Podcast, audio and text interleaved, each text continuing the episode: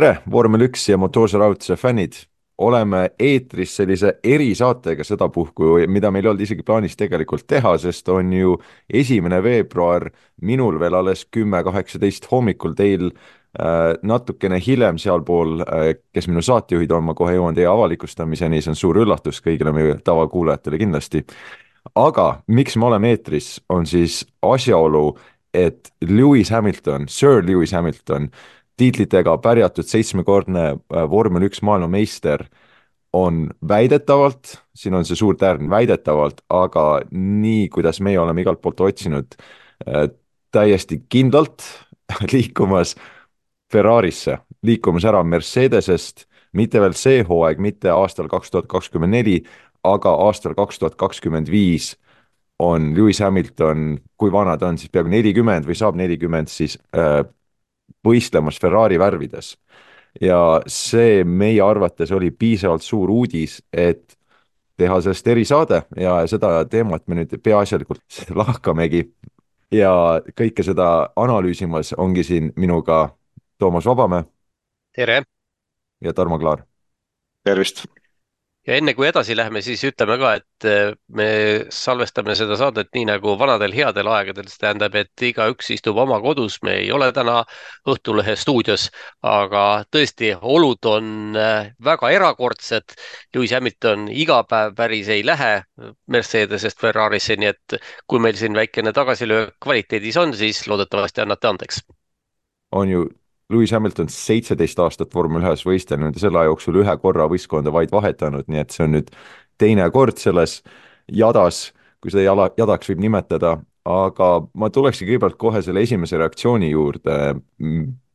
see ei ole päris selline moment, et kus, et kus sa olid ja mida sa tegid äh, moment, nagu mingi kuu maandumine või midagi sellist või Kardashiani uus kostüüm, aga Toomas, mis sinu esimene reaktsioon sellele oli, kui sa nägid seda uudist? minu esimene reaktsioon oli enam-vähem see, mis äh, ta on olnud viimase aasta jooksul või võib-olla ka natukene rohkem, kui neid kõlakaid sel teemal on ikka aeg-ajalt äh, esile kerkinud. ehk minu küsimus on, milleks? sinu reaktsioon on küsimus jah, milleks? ei, ma saan aru, ma võin sellele ise vastata kõik teenivad kõvasti raha, vaatasin äh, huvi pärast täna ka Ferrari aktsiat, mis see on teinud. kolmesaja neljakümnelt dollarilt on korranud kolmesaja kaheksakümnele. nii et palju õnne, Ferrari aktsionärid. praegusel hetkel jah, oli seitse miljardit umbes, natukene vähem Ferrari turuväärtusele juurde paisunud, nii et kui sa seitse miljardit juurde saad, sealt ju veidikene võid oma siis sellele staarsõitjale ka pritsida ju. aga Tarmo, räägi, mis, mis sul mõttest läbi käis? Sina kui Padu Ferrari fänn kes meist see Padu Ferrari fänn on, meie kuulajatele teadmiseks, et praegu Fredil on selline identiteedikriis, et äh, on tal seal igasugu huvitavaid peakatteid ja üks ühtepidi, teine teistpidi ja püüab seal Just. kuidagi varjata seda, et kumbki ei ole tulevast, tulevasest Hamiltoni ajastust Ferraris, kui, kui see ajastu nüüd ikka tuleb. Äh, mis reaktsioon oli? alguses ausalt öelda mina mõtlesin, et see on mingisugune libauudis, et äh, just ju olid pikad läbirääkimised olnud äh, peaaegu terve hooaeg otsa Hamiltoniga Mercedesel ja, ja ta pikendas kaheks aastaks ja siis ma mõtlesin, no mida imet, mis nüüd siis on, aga, aga siis vähe aja pärast äh, hakkasin mõtlema selle peale, et kui Leclerc'iga äh, saadi ühele poole lepingu sõlmimisel, siis Sainziga see asi on jäänud venima ja, ja Sainzi sidemeid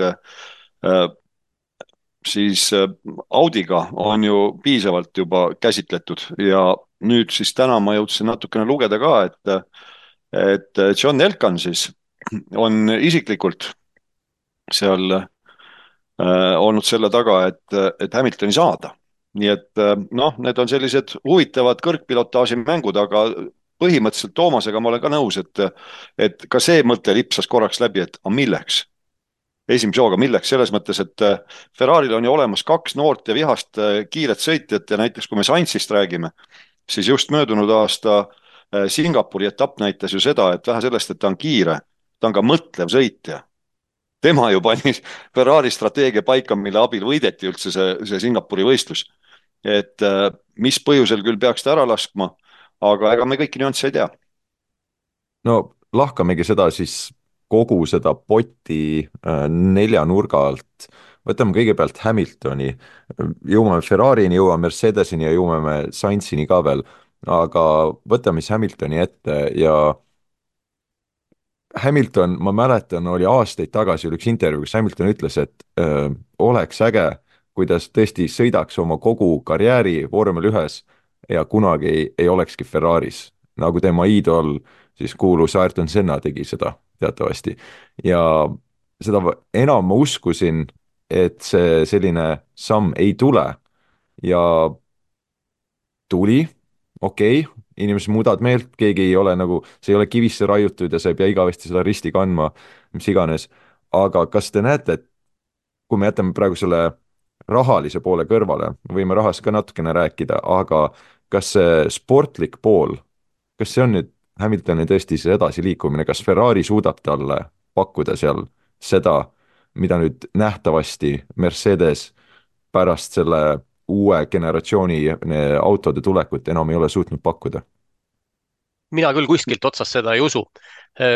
kui Ferrari sõlmis äh, Leclerc'iga väga pika lepingu, me ei tea, kui pikka, seda ei ole avalikustatud, siis äh, fakt on see, et äh, ma olen täiesti veendunud, mul ei ole küll jah faktilist tõestust, aga ma olen täiesti veendunud, et see näeb ette, et Leclerc on tiimis number üks. mida Hamilton seal siis teeb? segab Leclerc'i mitte, et ta enda vorm nüüd nii kehv oleks, ma arvan, ta on täiesti võimeline sõitma etapivõitude ja, ja tõenäoliselt veel ka MM-tiitli pärast ei ole erilist kahtlust selles, aga Leclerc on kõrval, Leclerc segab. ja teine asi, mis mul täna, millele ma ka täna väga mitu korda kargas mõte pähe, no võimatu on mitte teha võrdlust Michael Schumacheriga, kuidas Schumacheri noh, ütleme siis karjääriloojang ta läks ju ka enam-vähem samasuguse suure hurraaga läks äh, Mercedesesse, noh, võib öelda, et ta tegelikult läks koju tagasi, sest Mercedesega tema karjäär ju algas. ja mis sellest välja tuli, sellest tuli mingisugune, vabandage väljendust, hale puuks tuli välja ainult. Ja, ja mitte mingisugust garantiid ei ole, et Hamiltoniga samamoodi ei juhtu. Või võtame teise veel, veel, veel drastilisem näide. Moto Grand Prix kroonimata kuningas Valentina Rossi üleminek Ducatisse. See oli, see oli täielik läbikukkumine.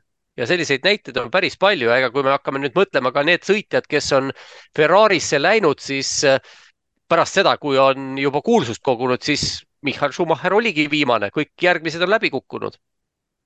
Ei ole, ei ole, Kimi Räikkönen ei kukkunud Kimi Räikkönen läbi. ei olnud enne seda maailmameister. seda küll jah, sellega ma olen nõus.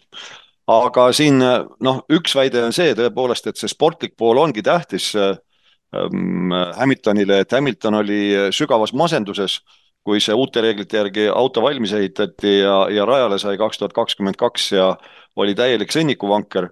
ja no väide on siis selline, et kui ma nüüd nime õiesti, õigesti hääldan, siis Loik Serra, kes vastutas, noh, inglisekeelne ta ametinimetus Mercedeses oli Head of Vehicle Performance. ja see härra Serra siis oli muuhulgas selles parteis, kes ütles, et see ilma küljekarpideta kontseptsioon ei sobi mitte ja nii pika telgede vahega auto ka ei hakka toimima pinnaefektiga. ja tema arusaama arvesse ei võetud, võeti teist arusaama arvesse ja ülejäänud on ajalugu, nagu öeldakse. nüüd on Loik Serra palgatud Ferrarisse ja ta hakkab tööle seal kahekümne viiendast aastast. ja väidetavalt siis see on muuhulgas äh, üks põhjus, miks äh, Hamilton lahkub, et tal ei ole täielikult usku äh, sellesse, et Mercedes suudab nüüd tuhast tõusta. aga selles mõttes ma olen jälle Toomasega nõus täpselt, et Leclerc on Ferrari esinumber, ta on Ferrari kasvandik, ta on Ferrari selline noh, kogu ma ei tea, juht, juhtkonna lemmik tegelikult, et mulle tundub küll, et et Hamilton läheb lihtsalt, ma ei tea, võib-olla siis veel suuremat raha teenima või, või, või mis asi see, see, see tal on. et, et ta sinna läheb, noh, on, on ka sellest nüüd siis spekuleeritud, et Fred Vasseur on ka selline kõva argument Hamiltoni jaoks, et Hamilton oma alamastme tiitlit seal vormel kolmes ja tolle ajaks siis GP2-s, nüüdne vormel kaks Äh, võttis Fred Vasseuri võistkondades, et selles mõttes ta usaldab Fred Vasseuri ja Vasseur ka on väga vaimustuses äh, Hamiltonist ja, ja kõik, et äh, nüüd siis ka mõningas mõttes nagu koju tagasiminek. aga tõesti, et Hamilton noh, mi-, mis ta argumendid seal enda jaoks on, minu jaoks ka natukene arusaamatu ikkagi, sellepärast et üheselt on selge, et Mercedeses on ta jätkuvalt esinumber ja Ferraris, nii naljakalt, kui see ka paljudele kõlab, ma olen Toomasega nõus, ta ei saa olema esinumber.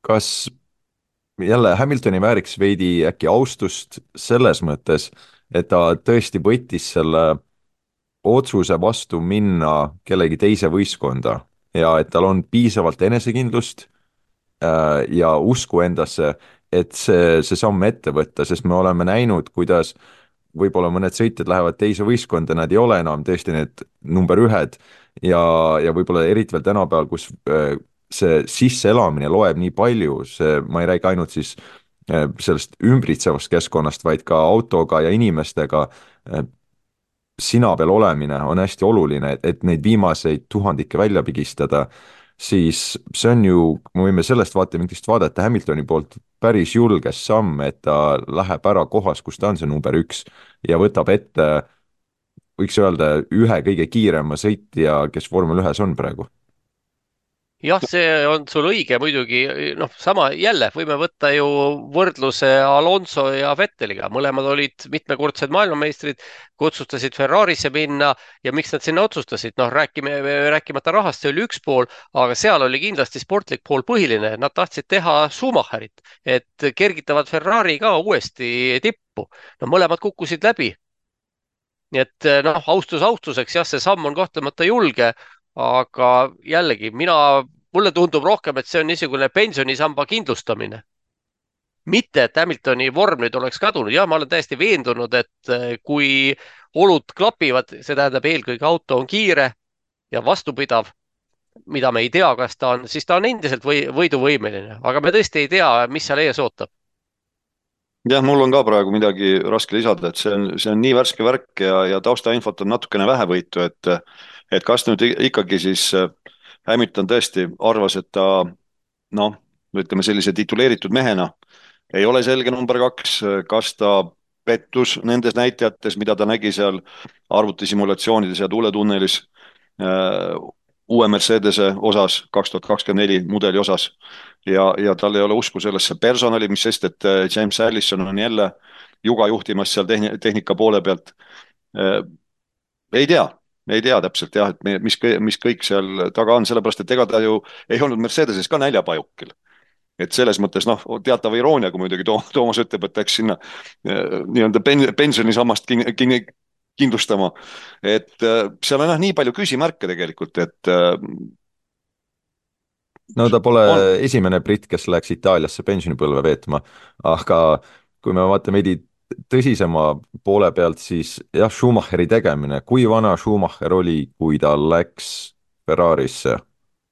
kakskümmend kuus? no noor poiss oli see. kuus, midagi sellist jah, no tema oli yeah. ikkagi, ta ei olnud isegi veel oma tippude hästi kindlasti jõudnud, kuigi oli juba kaks korda maailmameister olnud, aga, aga ta ikkagi arenes, Hamilton kogu Just. austuse juures tema, tema hetkevormi ja kõigi tema saavutuste juurde, siis fakt on see, et tema praegu vaikselt, aga kindlalt juba kaotab vormi. jah ja, ja, Hamilton, Hamilton saab olema äh, siis äh, järgmisel aastal nelikümmend, kui hooaeg algab, ta on seitsmendal jaanuaril sündinud, tuhat üheksasada kaheksakümmend viis. just, ja ütleme, Vettel oli, kas ta oli ka mingi kakskümmend kaheksa kakskümmend seitse vist too hetk, kui liitus Ferrari'ga, siis ta kakskümmend seitse sündinud, kaks tuhat viisteist oli seal. Ja Alonso oli ka minu mäletamist mööda mingi kakskümmend üheksa või nagu, et, et üsnagi oma võimete tipus. Ehm, nii et sellest vaatevinklist vaadates, kas, kas te näete, et Hamiltonil lihtsalt ei ole piisavalt aega ka, et seal midagi saavutada, sest see ei ole nii, nagu tema, tema enda iidol Senna läks üheksakümne neljandal aastal Williamsisse ja Williams oli juba järjest võitnud, domineerinud ja näidanud oma, oma seda dominantsi ja, ja, ja suutlikkust võita. Asi, mida Ferrari ei ole teinud, ma, ma ei, ma ei tea isegi, millal see viimane hooaeg oli, kui nad suutsid seda adekvaatselt näidata, nii et selles mõttes, kas see lihtsalt see, lihtsalt ei jää lühikeseks tema aeg, isegi kui ta, Hamilton tundub, et ta suudab ka Alonso tasemel või ütleme, Alonso kõverat äh, järgida selles mõttes, et ta vanusega ei kaota kiirust, kas siis lihtsalt tal aega ei jää väheks? No kui nüüd Muidu... püüda ratsionaalseid argumente leida, siis mina ainukene, mida ma näen, tuleval aastal, vabandust, mitte tuleval aastal, jah, tuleval aastal on ju veel ka praegune reglement ja väga keeruline on näha, kuidas Max Verstappen võiks kahe tuhande kahekümne neljandaga, kahe tuhande kahekümne viienda aasta MM-tiitlist ilma jääda. ainukene, millele Hamilton saab loota, on see, et kahe tuhande kahekümne kuuendast aastast on põhjalikult muudetud tehnilised tingimused ja äkki siis Ferrari suudab midagi ära teha, sest jah, võib juhtuda tõesti, et tänavu jõuab Ferrari veel lähemale Red Bullile ja, ja võib-olla tuleval aastal on siis niimoodi enam-vähem samal tasemel, aga niisugust selget dominantsi nagu oli Hamiltonil Mercedese aegadel, tegelikult ka McLareni ajal mõningatel aastatel. sellist praegu lähema kahe hooaja jooksul Ferrari poolt ma küll kuskilt otsast ei näe. jah, see, ma olen täitsa nõus, et äh, ei ole ju äh, kuskilt ka see läbi jooksnud, et mingisugused äh, sellised äh, säravad insenerid oleksid äh, äh Ferrarisse üle läinud, jah, nüüd äh, see üks härrasmees küll, aga, aga see üks härrasmees ka ei tee veel ilma, Loik Serra.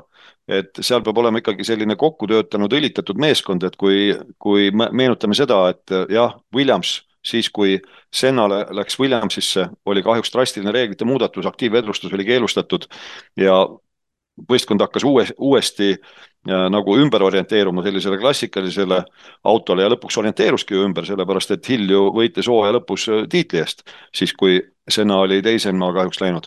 ja ta oli tipus olev võistkond.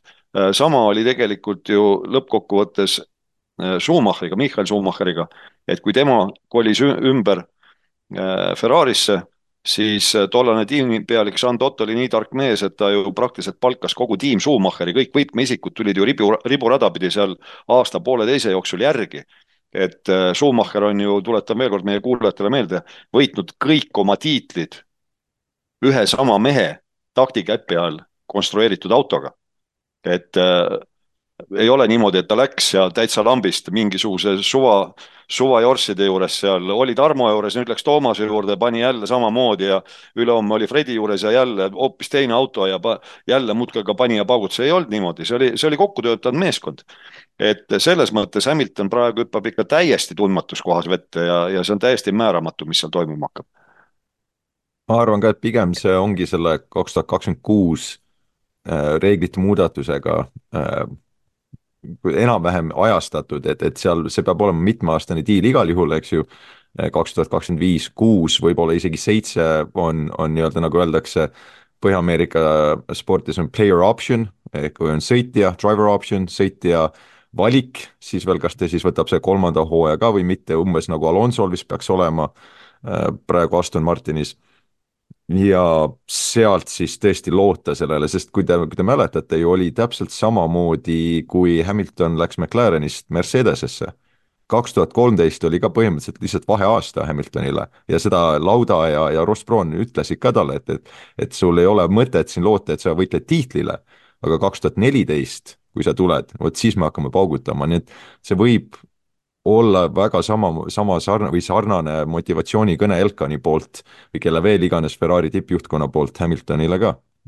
et see võib kanda mingit loogikat endas, aga kui me vaatame jälle seda loogikat aastate poolest, siis neljakümne üheselt Hamilton versus kahekümne kaheksa aastase Leclerc'i vastu, kes on, ma arvan, et Hamiltonil läheb väga-väga raskeks kvalifikatsioonis võita Leclerc'i vastu seal nii et, et see võib osutuda väga keeruliseks ülesandeks aga milleks on vaja kvalifikatsioonis võita? jälle võtame puhta klassika, näiteks kuidas kõigepealt kaks, kaks sellist tuntud paari, mõlemad McLareni sõitjad omal ajal. kõigepealt Lauda versus Prost. Prost oli kvalifikatsioonis kogu aeg kiirem, Lauda tuli ikka kõigepealt maailmameistriks. hiljem täpselt sama Prostiga kordus, siis olid osad teistpidi Prost versus Senna Prost äh, kaotas kvalifikatsioonis järjekindlalt Sennale, ometigi tuli maailmameistriks ikkagi ka Senna vastu, Sennaga samas tiimis ja sama autoga sõites. nii et äh, see otseselt ei, ei ole veel mingi argument ja noh, Leclerc'i kahjuks räägib ka see, et tema ei ole maailmameistriks tulnud. tema ei tea seda painet, Hamiltonil ei ole selles mõttes mitte midagi tõestada. Noh, ei tule maailmameistriks, okei okay,, noh, kahju küll, et oleks võinud ju veel tulla, aga midagi sellest ei juhtu. aga Leclerc'il iga aasta, mis möödub, järjest rohkem selline pain, hakkab rohkem see painama, et no pagan, ma olen kogu aeg ju nii kiire olnud, auto on kiire olnud, aga näe, ei saa, üks asi ei klapi, teine asi ei klapi nagu Ricciardo, ühel hetkel sai noorest äh, mehest sai selline juba keskealine, kellel ei olnudki mingit tiitlit ja mõned sõiduvõidud ainult aga. just, loogika on täiesti, täiesti olemas. jah, lähme siit siis Ferrari juurde ja mis negatiivseid asju te siin näete Ferrari jaoks? no me siin äh, Toomasega päeval, mis seal pattu salata, natuke suhtlesime omavahel ja, ja noh, selline drastiline välja, nüüd ma olen Toomase suuvooder, aga põhimõtteliselt äh, praeguse seisuga ka kui see nüüd tõeks osutub, eks ole, mis me siin kõik räägime ja ilmselt osutub, sellepärast et äh, Mercedeses on täna koosolek olnud, seda on äh, Sky vahendanud äh, koosoleku ukse tagant, et on võistkonnale öeldud, et Hamilton lahkub kaks tuhat kakskümmend viis. kus ma nüüd jõuda tahtsin, nüüd mõte jooksis korra, korraks sõlme, aga, aga. tahtsid minu suvooder olla? tahtsin, tahtsin sinu suuvooder olla jah, ja nüüd olengi, et see noortesõitjate programm selle võib nüüd prügikasti visata, et mis mõte sellel kõigel on, kui võetakse äh, ütleme, ühe väga kiire ja jätkuvalt noore sõitja asemel pensionär, kes on küll tituleeritud, aga kes ei, ei kujuta endast selle, selle võistkonna tulevikku. et äh, see võtab sellise motivatsiooni maha nendel kõigil, kes seal igasugu programmides osalevad, ma kujutan ette, äh, vähemalt hetkeks sellepärast et mille nimel nad siis kogu aeg pingutanud on? selle nimel ju, et saada nende kahekümne õnneliku hulka äh, vormelisõidu maailmas siis, autoringlasõidu maailmas. maailmas on kakskümmend kohta ainult vormel ühes, rohkem ei ole. ja nüüd mingisugune kinnine ring ringleb seal kogu aeg. ja polegi no, võimalust üks nimi, Oliver Beerman, ma arvan, et temal on täna küll väga-väga kurb päev, no võib-olla ta teadis varemgi, aga tema oli ju Ferrari noortesõitjade programmist selline, kes oleks juba no kaks tuhat kakskümmend viis võinud täiesti reaalselt arvestada sellega, et heakene küll, võib-olla mitte, mitte Ferrari tiimis saaks rajale, aga noh, kas Haasis või siis mis iganes selle teise nimi, tiimi nimi on, mille eest Sauber esineb. aga temal nüüd, ma arvan jah, on, on taevas suhteliselt udune praegu aga kiiresti, see ei ole küll meie fookus siin rääkida just nendest noortesõitjate programmist, aga ma ütleks, et see ei olegi nii nagu vanasti, et sul see käive on oluline, see, see lotovõit on oluline, sest me vaatame, kuidas on F1 sõitjate äh, nii-öelda liikumine ja eelkõige lepingud arenenud, siis äh, üks uudis, mis siin just hiljuti äh, levis, oli see, et Lando Norris pikendas oma lepingut, ma ei tea, kas ta oli nüüd kahe tuhande kahekümne kuuenda või seitsme aastani lukus Äh, ja Leclerc pikendas oma lepingut, eks ju, ja tema on ka umbes mingi, umbes sama ajani, võib-olla veidi kauem Ferraris lepingu all. ja Verstappen on, kas ta oli nüüd kakskümmend seitse või kakskümmend kaheksa aasta lõpuni Red Bullis. ja, ja võtame kasvõi Verstappeni või, või isegi Leclerc'i võtta, Leclerc läks kaks tuhat üheksateist sinna ja on, kui isegi kui ta on kahe tuhande kahekümne kaheksanda aasta lõpuni, siis ta on kümme hooaega Ferraris sõidab Verstappen kaks tuhat kuusteist läks Red Bulli, enne seda oli Toro Rossos. ja kui me mõtleme niimoodi, tema on mingi kolmteist või neliteist hooaega järjest, paneme Toro Rosso juurde isegi veidi kauem, on, on selles nii-öelda äh, võistkonnas sees. nii et sul ei ole vaja seda käivet ja nii nagu palju sõitjaid läbi käia, sul on vaja seda ühte lotovõitu ja sellest piisab. ja, ja ma arvan, et see noorte sõitjate programm pigem lähebki sellele üle, et, et sa sul ei ole vaja kahte alfat seal, sul ei ole teist Verstappenit, Red Bullil ei ole vaja teist Verstappenit sinna Verstappeni kõrvale. nii et, et sellest piisab, kui sa selle ühe, ühe lotovõidu teed, nii et ja sellest sul piisab võib-olla viieteistkümneks aastaks, täiesti vabalt võib-olla. nii et selles mõttes ei ole nagu, ei ole, ma arvan, Ferrari noorte, noortesõitjate programmi kritiseerimine õige siin, kui sul on võimalus Hamilton võtta, siis sa isegi võtad, see on nagu, ma ei tea, praegu paljud äh, paljud NBA võistkonnad võtaks Lebroni, kui nad saaks, kes on kolmkümmend üheksa või vanasti, kui Tom Brady oli veel kuskil nelikümmend viis ja mängis Ameerika jalgpalli ja peaaegu iga võistkond NFL-is oleks ka tema võtnud, sest lihtsalt mees on nii hea. et, et on teatud atleedid, keda sa lihtsalt, vahet pole, mis nende äh, vanus passis on, nad, sa ikka palkad nemad. nii et ainukene asi, mis ma näen siin, mis võib Ferrarile näkku plahvatada selle kõige juures, on see, et, et eh, neil läheb Leclerc'iga madinaks. Hamilton on sõitja, kellel on minevikus kaks väga suureprofiililist ütleme, mis, mis, kuidas seda nimetada siis, plahvatust oma võistkonnakaaslasega, eks ju, Alonso ja Rosberg kui tuleks uuesti, see oleks meile, fännidele väga hea, huvitav oleks kõike jälgida seda, okei okay., aga Ferrari'l seda ei oleks lihtne hallata. Ja, ja see oli ka suuresti põhjus, miks Botas sai omal ajal ju Mercedesesse, sest ei olnud teist Rosbergi enam kõrvale vaja. ei olnud neil tol hetkel ei olnud võtta isegi ja hiljem nad ei tahtnud palgata, sest lihtsalt lihtsam on, kui sul üks mees võidab need ja teine on wingman, nagu Toto isegi ütles raadio teel, nii et see on ainukene asi, mis ma näen, mis võib siin Ferrari'l tõesti selle Hamiltoni juures saatuslikuks saada, sest raha neil on, see ei käi kuidagi nende eelarvepiirangute vastu ja, ja marketing on hea, Hamilton on kaugelt kõige tuntum vormel üks sõitja.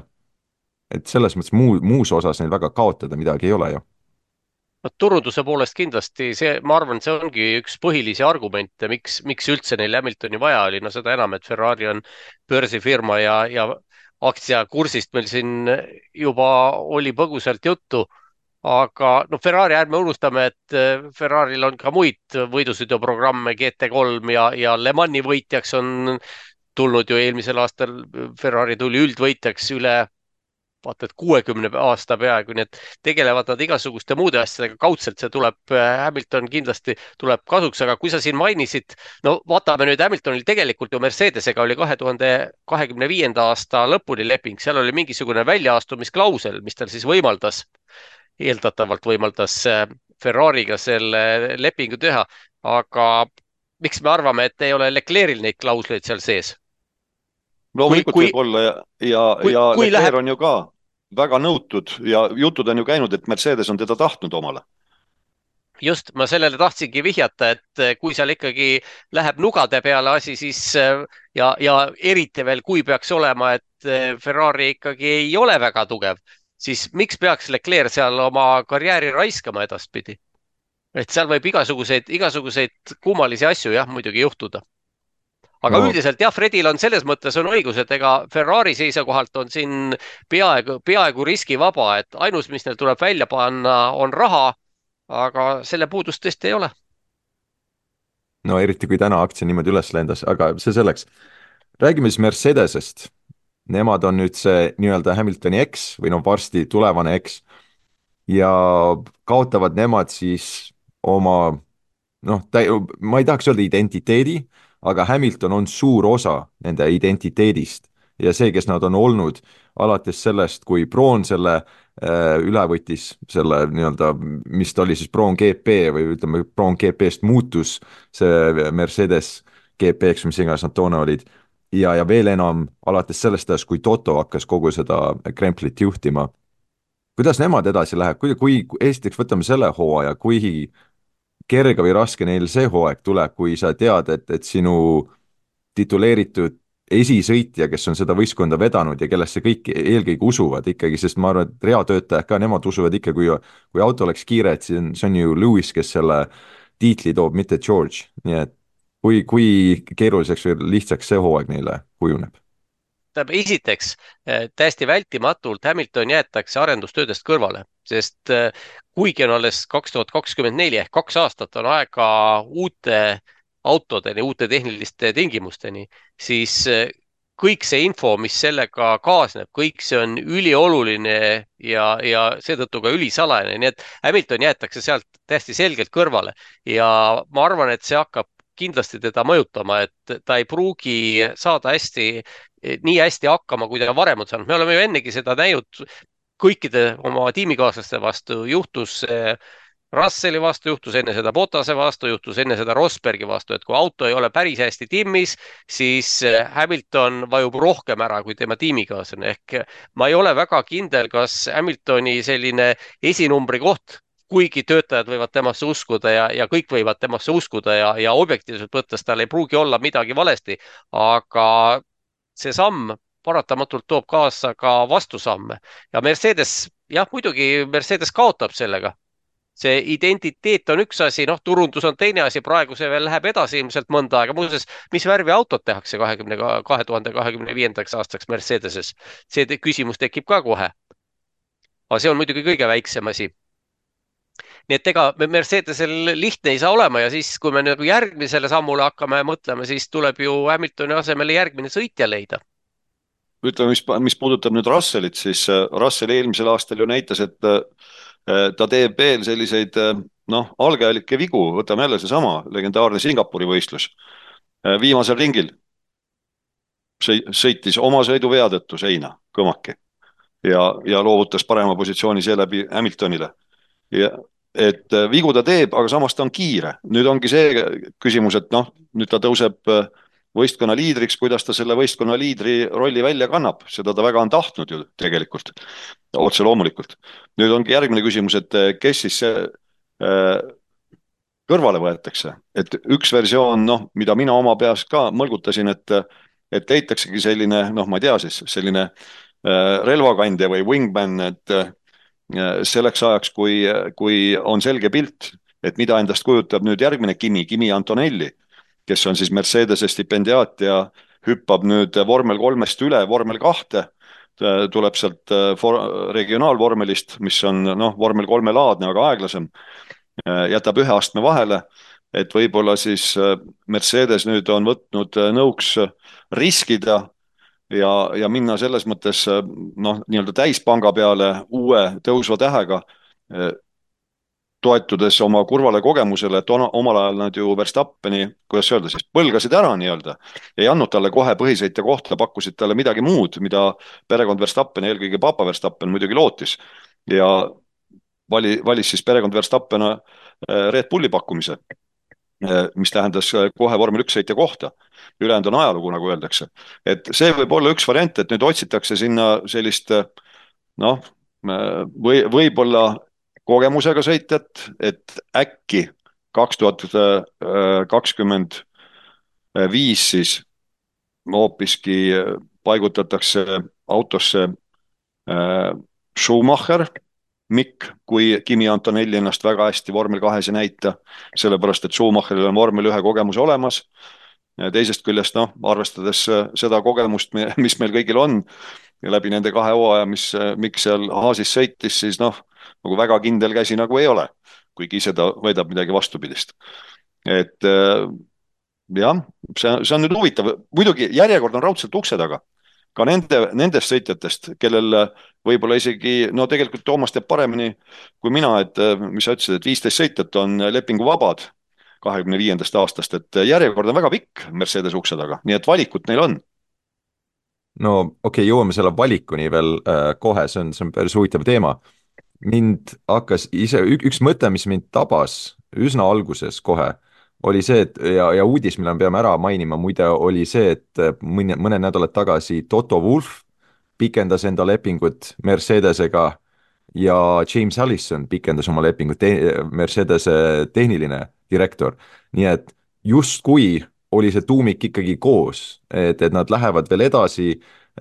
Hamiltonil ka nähtavasti ju oli kaks aastat veel lepinguna nagu ees ootamas ja et see läheb edasi, nad suudavad eh, veel sellest august välja tulla, kus nad on ennast leidnud viimased kaks hooaega. ja kui see Hamiltoni uudis täna tuli, seda enam oli see üllatus ja pani mind mõtlema kohe, et kas tõesti siis see, mis Mercedes nüüd tuuletunnelis näeb, on midagi murettekitavat, sest oli ju mõned kuud tagasi, esimene veebruar praegu, see Hamiltoni kontrakt äh, löödi lukku ka alles ju mingi, kas see oli november või oktoobris, minu arust see ei olnud. see ei olnud nii ammu tagasi, kolm, maks neli kuud tagasi. et kas see on nüüd äkki mingi signaal sellest, et ikka asjad ei ole väga hästi, Hamilton seetõttu kaotas usu ja, ja otsustas isegi enne selle praeguse hooaja algust juba, juba see otsuse ära teha ja Ferrarisse minna no meie saate alguses ma seda mainisingi, et see, see võibki olla üks põhjus muuhulgas. et ta nägi nüüd neid äh, tuuletunneli ja, ja arvutisimulatsiooni näitajaid ja seda ju võrreldakse, eks ole, äh, seni, senise auto näitajatega ja need ei olnud nüüd nii seksuaalfantastilised, mis, mis oleks ta ära võlunud ja, ja ta vaatas, et ei, ei, ei, ei, et siit, siit juba ei tule midagi ja noh, ütleme, eks Hamiltonil on nii palju kogemust ka, et ta teab ju, kes seal meeskonnas need võtmefiguurid on, et kui kiiresti suudetakse nüüd seda laeva pöörata. no nagu me eelmine hooaeg näge, nägime, paremaks see Mercedes sai, aga sellist tohutut arenguhüpet ei tulnud, nagu tuli näiteks McLarenil hooaja sees nii et see võib olla tõesti, Fredi, niimoodi, et äh, lihtsalt äh, Hamiltonil ei ole enam usku Mercedesesse. oli see ju üks põhjusi, miks Hamilton McLarenist ära läks. just. oli, oli ka, kaotas usu võistkonda ja kui see oli ju pärast seda Singapuri Grand Prix kaks tuhat kaksteist, kui Hamilton oli ka üsna ees ja käigukast minu mäletamist mööda läks, läks õhtule ja, ja see oligi see koht, kus siis äh, Hamilton läks lauda juurde ja, ja nad suutsid enam-vähem nagu või edasi progresseeruda nendes vestlustes ja, ja sealt siis lõpuks tegigi selle lepingu Mercedesega, nii et see võib olla, Hamilton on teada üldiselt selline, ma ütlen heas mõttes, et emotsionaalne inimene, et, et ta ka lähtub, lähtub nendest faktoritest võib-olla rohkem. aga räägime siis ka nendest sõitjatest, kes tõesti võib siia äh, selle Mercedese kohale kandideerida järgmine aasta. Öelge mulle number üks kandidaat teie arvates ja siis ma ütlen enda oma. kaks tuhat kakskümmend viis number üks kandidaat. noh, ma ei tea, mina, mina millegipärast arvan, et äh, Mercedes äh, väga mängib Antonelli peale. mina ei ole selles väga veendunud, sest Antonellil esiteks ei ole superlitsentsi punktigi koos, et ta peab need esiteks, aga mina ütleksin kaks nime või, või heakene küll, ma ütlen. ma ütlen jah, ma võin ühe nime ka öelda, ma tean, et siis sa, Fredi, ütled kohe teise aga ma ütlen Alex Albon. mina ütlen Fernando Alonso. ah soo, siis sa ei öelnud seda teist, ma oleks teisena muidu pakkunud Carlos Sainzi. no okei okay,, me jõuame Sainzini ka veel, ma seda teemat ei hakkaks lahkama, aga ma enda poolt vist võib-olla põhjendaks seda, et äh, Alonsol oleks tõesti huvi siis saada nagu sellest ütleme teisest B-võistkonnast ikkagi tee, mis tahad, Aston Martin tundub B-võistkonnana võrreldes Mercedesega ja et, et saada sinna ette, äh, ettepoole ja olla, olla tõelises tehase tiimis. isegi kuigi Honda tuleb, see on aastal kaks tuhat kakskümmend kuus, jääb veidikene kaugeks äkki, ilmselt, võib-olla, ma ei tea. aga Mercedes oleks nüüd see koht, ma ei tea, kuidas tal, tal vist Totoga kas temal või Flavio Briatorel, siis Alonso manager'il vist need läbisaamised ja need üld, üldiselt need persona vibe'id ja kõik, mis muud sinna juurde käivad, vist väga ei hõõru võib-olla vajaks veidi rohkem õlitamist äh,, ei tea, aga see vist sellel baasil vist ei toimiks väga, aga kui vaadata reaalselt, kes võiks olla saadaval järgmiseks hooajaks kaks tuhat kakskümmend viis, kes, kes oleks kõige parem sõitja, siis vist Alonso's parem, sest Perez ei, ei võta ju või Ricciardot ja need, need ei ole nagu sellised nimed, kes oleks saadaval, Albon on muide üsna hea pakkumine, aga on ka tõestamata ja, ja siis oleks Mercedesel kaks Williamsi number üks sõitjat, endist number üks sõitjat. kahe peale kokku oleks neil üks võit. no oota võit. nüüd, oota nüüd, üks hooaeg on vahepeal veel ees noh, Albon vaevalt muidugi, Albon muidugi vaevalt tänavu, tänavu midagi võidab, kuigi ja mine tea, võib-olla tuleb Luua on siin viimastel aastatel ikka aeg-ajalt pauke tulnud, et ega me, ega me seda ei tea, aga, aga jälle, et eks Mercedesel muidugi ka, Alonso on ka ja ei saa objektiivselt vaadates põhimõtteliselt on sama efekt nagu praegune Hamiltoni Ferrarisse minek, et see oleks mõlemalt poolt oleks selline kommertslikus, kommertsküsimustes oleks absoluutne win-win mõlemalt poolt. noh, sportlikus osas noh, nii ja naa, eks ole, ega me ei tea ju. sinna on ikkagi aega veel. ja noh, Sainz, Sainziga see tähendaks, siis oleks ju otsene vahetus Hamilton, Hamilton Sainzi vastu. üks Mercedesest Ferrarisse, teine Ferrarist Mercedesesse. muidugi jah, Sainzi puhul see seosed Audiga, see on kindlasti asi, mida ei saa välistada ja ega me ei tea, seal on ju kulisside taga mingisugused tegevused kindlasti käivad. Sainziga oli alles, kas eelmisel nädalal oli vist autospordis oli intervjuu jah, kus ta no ega ta nüüd mingisuguseid väga konkreetseid vastuseid ei andnud, aga sellest intervjuust võis küll aru saada, et ta kindlasti üritab Ferrari'ga lepingut pikendada. nojah, aga, aga nüüd on asi selge ju, et äh, ei tule midagi. ja, ja teine asi, et äh, küsiti ju Papa Saintsi käest, siis päris Carlos Saintsi käest, Carlos Sainz esimese käest. Või ega ma ei teagi, kas ta on Carlos Sainz esimene, võib-olla seal suguvõsas on veel neid Carloseid olnud. et äh, Papa Sainz ütles intervjuus otse välja, et jaa, ma ei varjagi, et äh, me oleme arutanud äh, noore Carlosega Audi varianti. Ja mis on otse loomulik, sellepärast et Andreas Seidl ju, kes töötas Carlos Sainz juunioriga koos McLarenis, on temast ju ainult head rääkinud ja kiitnud taevani teda kui vormel üks pilooti, kui arendussõitjat, kui, kui tarka sõitjat ja mida iganes, nii et, et on, need sidemed on ju väga, väga, väga otsesed. Saintsi kasuks räägib veel see ka, et ta hetkel on kakskümmend üheksa, üheksakümmend neli sündinud, et kaks tuhat kakskümmend kuus alguses ta oleks kolmkümmend üks, kui see nii-öelda Audi projekt lahti läheks, et tal oleks veel aega seda, seda tiimi edasi viia ja, ja ja olla, olla see juht äh, isane seal või mis iganes see oleks. no just täpselt, ma tahtsingi variant. seda öelda, et, et seda ta ju ihaleb ka, see on ju üheselt selge, et ta tahab olla see number üks, vaieldamatu mm -hmm. number üks võistkonnas ja see annab talle võimaluse. Mercedeses ma nii kindel ei oleks. Mercedes jah, see kuidagi ei, ta saaks sinna, aga kas Mercedes tahab temal ka pikaajaliselt pühenduda? see on no, see on ka küsimus, et, et neil ilmselt oleks parem selline üheaastane Äh, vahefiller või kuidas nimetada, kuidas tahad seda, võib-olla isegi kaks aastat, sest äh, kuni Antonelli äkki saab tõesti F1-e ja, ja, ja veidikene küpseb mõnes ütleme, Williamsi taolises äh, võistkonnas, siis noh, taaskord Alonso oleks see vanuse kõige selle ajajoone poolest sinna sobiks paremini, aga Sainz tõesti, kõik kuulujutud ka, kõik, mis enne tänast uudist, Hamiltoni uudist tulid, olid see, et Sainzil oli juba mingi eelleping sõlmitud Audiga väidetavalt, et kaks tuhat kakskümmend viis seal hakata sõitma, kindlasti see oleks tagasiminek esialgselt, sest eh, noh, tee mis tahad, see on ka pikk teema, miks Audi ei investeeri sinna raha juba ette, vaid ootab, kuni nad alles üle võtavad selle ja nii edasi ja nii edasi. kõik selle, see, see on eraldi täiesti, aga Sainzil oleks see loogiline samm. no ja millised nimed siis veel võiksid tulla, kes meil siis veel on sellised noored ja lootustandvad, kes kannaksid rolli välja? noh, sina oled hästi palju, Toomas, jälginud äh, alamastme sarju viimastel aastatel, äh, võrreldes no, minuga küll... vähemalt, et äh, Frederik Vesti. jah, noh, tema on Mercedese palgal ja temale see võib osutuda selliseks täiesti ootamatuks päästerõngaks, sest temal on, temal esiteks ei ole probleemi superlitsentsi punktidega, need on tal ammu koos. teiseks, ta on Mercedesega juba osalenud ka vormel ühe testidel. ta on vormel kahes ennast tõestanud, eelmisel aastal kõige rohkem sõiduvõite võitnud ja, ja noh, selline see omadus, mida inglise keeles öeldakse racecraft võidusõiduoskus, mitte lihtsalt kiire olemine, vaid just võidusõiduoskus vahetusvõitluses ja mitte ainult vahetus, aga ka selline tagaajamises või eest ärasõitmises.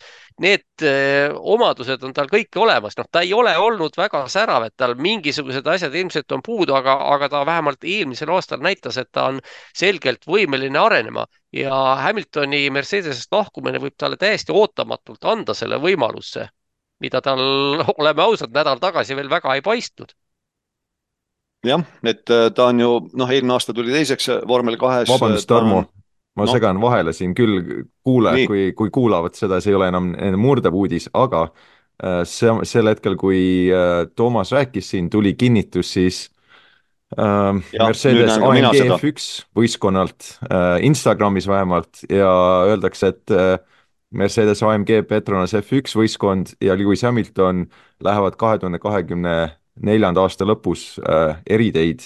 Louis aktiveeris või kuidas see on siis äh,, aktiveeris lepingu lõpetamise optsiooni enda lepingus.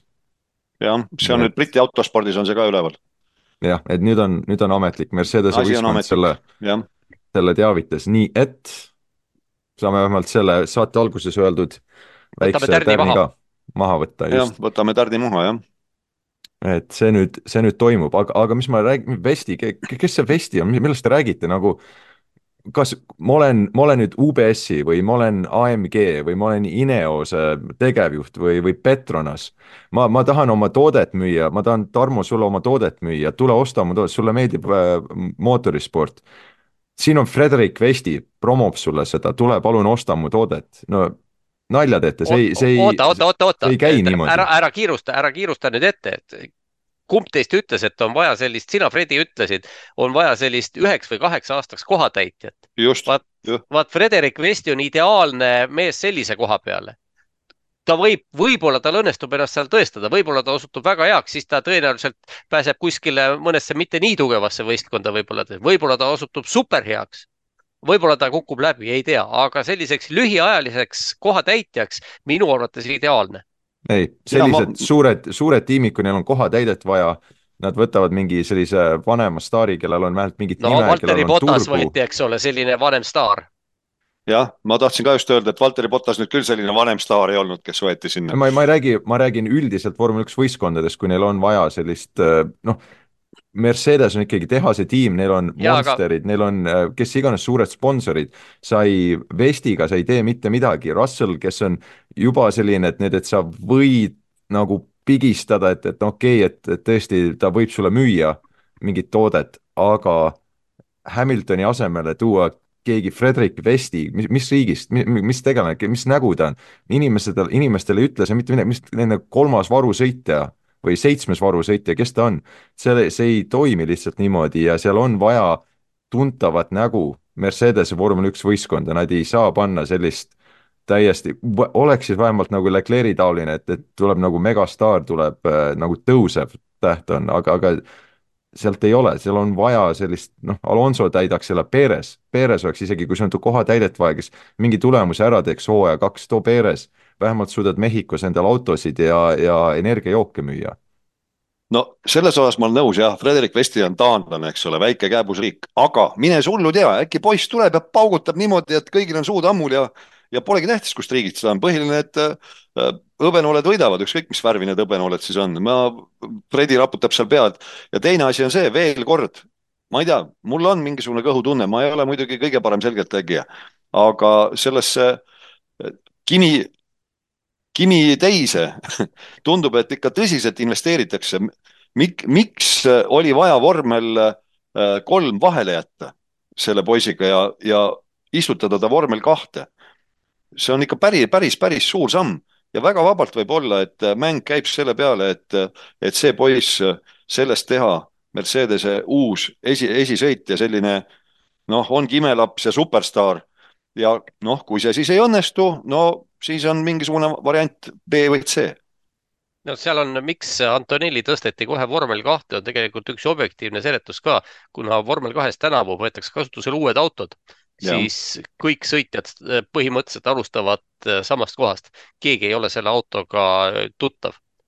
noh, küll vanemad sõitjad, kes on siin eelmistel aastatel ka võistelnud, ütlevad, et jah, meenutab väga eelmist autot ja suuri erinevusi ei ole, aga ikkagi nii et seal on selline, selline objektiivne äh, taust ka tegelikult. noh, vaatame, saame näha.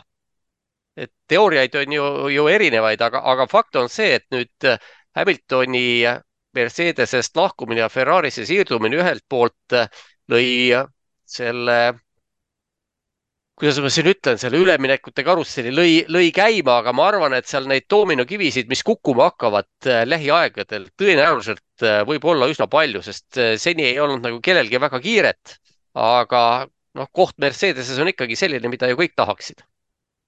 noh, siin juba spekuleeritakse selle üle, et võib-olla jälle äh, nii-öelda puhub lõkkele armastus Esteban Oconi ja Toto Wulfi vahel ja, ja nii edasi-tagasi, et iial ei tea, sellepärast noh, ajalugu on ju näidanud, et äh, lepingud vormel ühes ei ole nii-öelda vettpidavad. no täna saime teada, täna saime saime jälle teada, jah Ocon on hea pakkumine selles mõttes tõesti, et Ocon oli seal võistkonnas, eks ju, varusõitjana terve ja. selle ühe hooaja, mis oli kaks tuhat üheksateist või, ja tal on tõesti väga lähedane suhe Mercedese võistkonnaga ja ta oleks ideaalne selline vahetäide kaheks aastaks või mis iganes aastaks, kui kui Vesti veel, äh, vabandust, Vesti, nüüd ma räägin Vestist, Antonelli kui Antonelli küpseb samal ajal, nii et, et miks mitte, see, see oleks loogiline ja, ja täitsa võib olla, et ta, äh, Ocon ei ole rahul äh, seal alpiinis olemisega, Gasly on piisavalt. kes on üldse seal rahul ah, Gasly, Gasly vist on. miks? ta sai ära, sai sealt Toro Rossost sai ära. no see oli juba aasta tagasi okei okay, uh,, enne kui me selle saatel tõesti joone alla tõmbame, ma arvan, et selle, seda teemat me oleme siin lahanud piisavalt, vist ei ole nagu midagi olulist lisada, et me iga nurga alt lähenesime sellele, mis me oskasime uh,. paar suurt uudist, mis me, kaks teemat, mis ma tahaks rääkida, esiteks on see Andreti värk. räägime kiirelt ära, kui rumal otsus see oli no väga rumal ju, minu jaoks väga rumal ja, ja need. ütleme, räägime kõigepealt selle ära, mis otsus oli, et äh, vormel üks on siis see kommertsõiguste omanik ütles, et me ei taha Andretit. ja põhjendused olid ju jaburad täiesti. punkt üks või no ükskõik, mis järjestuses need punktid olid, et nad ei usu, et see võistkond äh, saab olema konkurentsivõimeline. Äh, nad on nii-öelda, nad ostavad omale mootori, nad ei ole ise mootoritootjad ja nad lahjendavad suppi. Nad ei too, nad ei anna mitte midagi juurde vormel üks karussellile. minul tekib kohe küsimus, et oota, et et mis mootoreid nagu Williams toodab ja, ja mis, mis mootor sellel Haasil päras on ja, ja millega huvitav küll Red Bull sõidab ja et vot mis, mis mõttes nagu ei ole mootoritootja ja ei anna midagi juurde, no Haas annab ikka kõvasti vormel ühele juurde, hirmsasti annab Haas juurde ja tänapäeva Williams ka. see on ju tõesti selline maamärk, et noh, selle peale jookseb rahvas tormi, kui öeldakse, et ka Williams osa, osaleb vormel üks võist, võistlustel. et mina näen seda, et seal antud hetkel FOM-i poole pealt või noh, FOM-i võistkondade poole pealt on eelkõige võistkondade poole pealt, kellel on see, oli see vastuseis. ja see kandus siis sinna FOM-i edasi, sellepärast äh, selle vormel ühe tegevjuht ju tänasel päeval on endine Ferrari pealik äh, Stefano Domenicali, eks ole.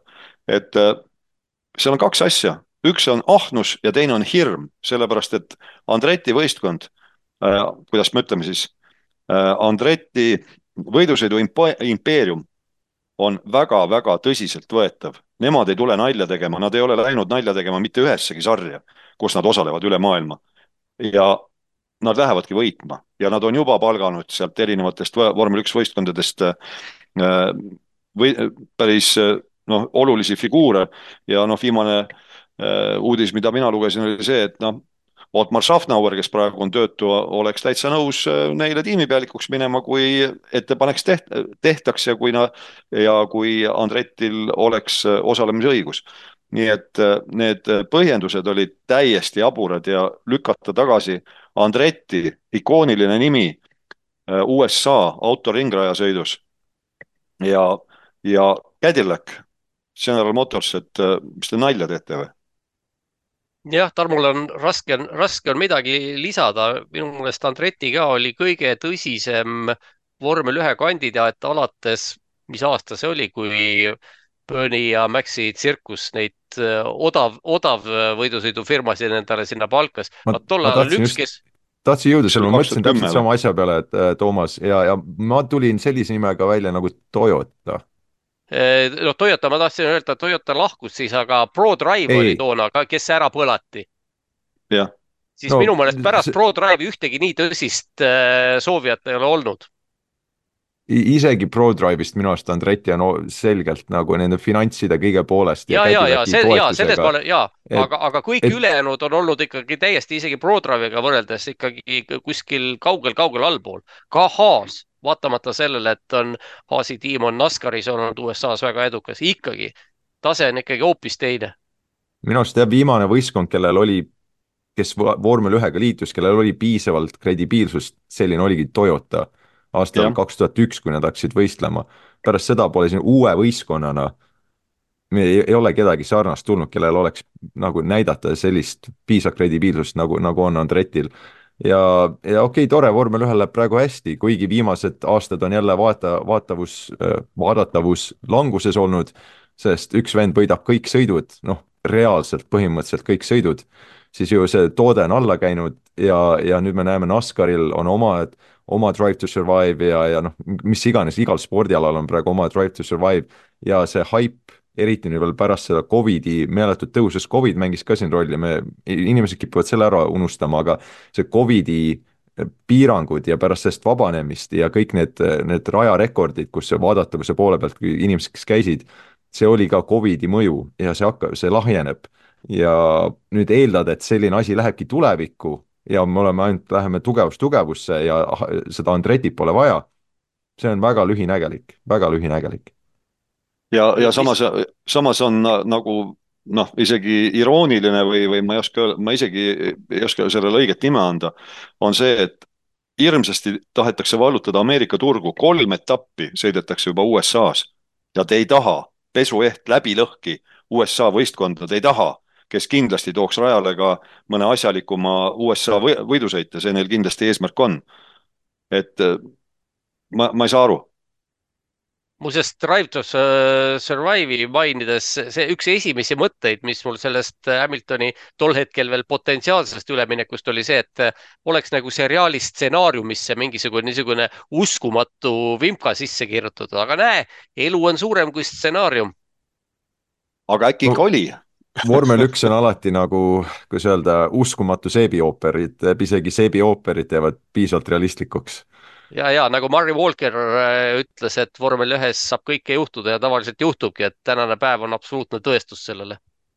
nii ja, ja siis see viimane teema, millest ma tahtsin rääkida veel, oli ka see, et äh, me oleme natukene, eks ju, eetrist ära olnud ja siin vormel ühega liitus samal ajal väga uus ja hästi põnev, noortepärane, trendikas võistkond nimega Visa Cash App RB kas. oh, teine veel, teine oli veel, see oli mingi, mis asi selle nimi oli? mingi osa, steik või? osa, steik või, või oli praad või? mingi lihaga oli, lihaga steik jah. mingi lihakeha oli äh, okei okay,, sellest ma isegi, ma, ma ei saa isegi rääkida, sest ma ei mäleta seda steak kick, mingi, mis iganes uh,. Sauber, ühesõnaga Sauber endiselt sõidab edasi, jätke meelde lihtsalt mm. see, aga, aga see nii-öelda Minardi, Toro Rosso, Alfa Tauri võistkond on nüüd Visa, Cash App, RB ja, ja minu personaalselt, see on puhtalt minu enda probleem, aga, aga võib-olla te olete umbes samas paadis.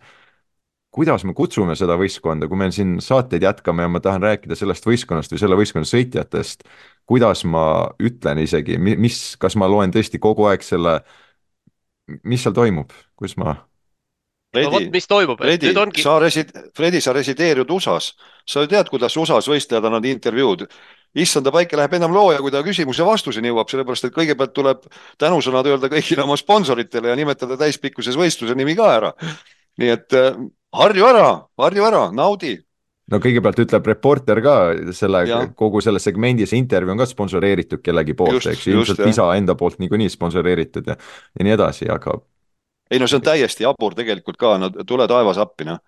No mis asi, ma ei tea, RB-ks hakkame kutsuma, kutsuma seda firmat või, või firmat ja seda võistkonda no aga eks see, eks see ongi ju niisuguse nime panemise puhul ongi see eesmärk, et kõik leida selline nimi, mille täielikust nimetamisest ei oleks võimalik kõrvale hiilida. muidugi e-, ei maksa arvata, et see nii läheb, et ikkagi ju fänne on väga palju, kes, kes mõtlevad, kes on juba tükk aega mõelnud ja ei, ei jäta seda mõtlemist niipea, et kuidas sellele tiimile võimalikult, kuidas ma siis viisakalt ütlen, võimalikult totaka süüdnimi leida. viisakas, aga totakas. noh, võib-olla ongi siis äh, cash või ma ei tea, nuts äh,. veekarb V-karb, kui võtame initsiaalid. Mhm. aga ma, ma tõesti, ma nagu, ma, ma ütlen lihtsalt Toro Rosso vist. ma tahan Toro Rosso juurde jääda.